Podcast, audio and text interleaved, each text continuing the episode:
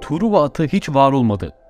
Efsaneye göre Truva'ya karşı 10 yıl süren kuşatmanın ardından Yunanlılar hala şehri fethetmemişlerdi. Büyük bir tahta at inşa ettiler, içine saklandılar ve yelken açmış gidiyor gibi davrandılar. Truva atları daha sonra bu tahta atı şehirlerine çektiler. Tahta atın kapılarını açtılar ve atın içerisinde o ana kadar saklanan askerler şehri fethetti. Gerçek hikaye arkeolojik kanıtlar Truva'nın yakıldığını ve tahta atın muhtemelen Homer'ın Odyssey kitabından bir masal olduğunu gösteriyor.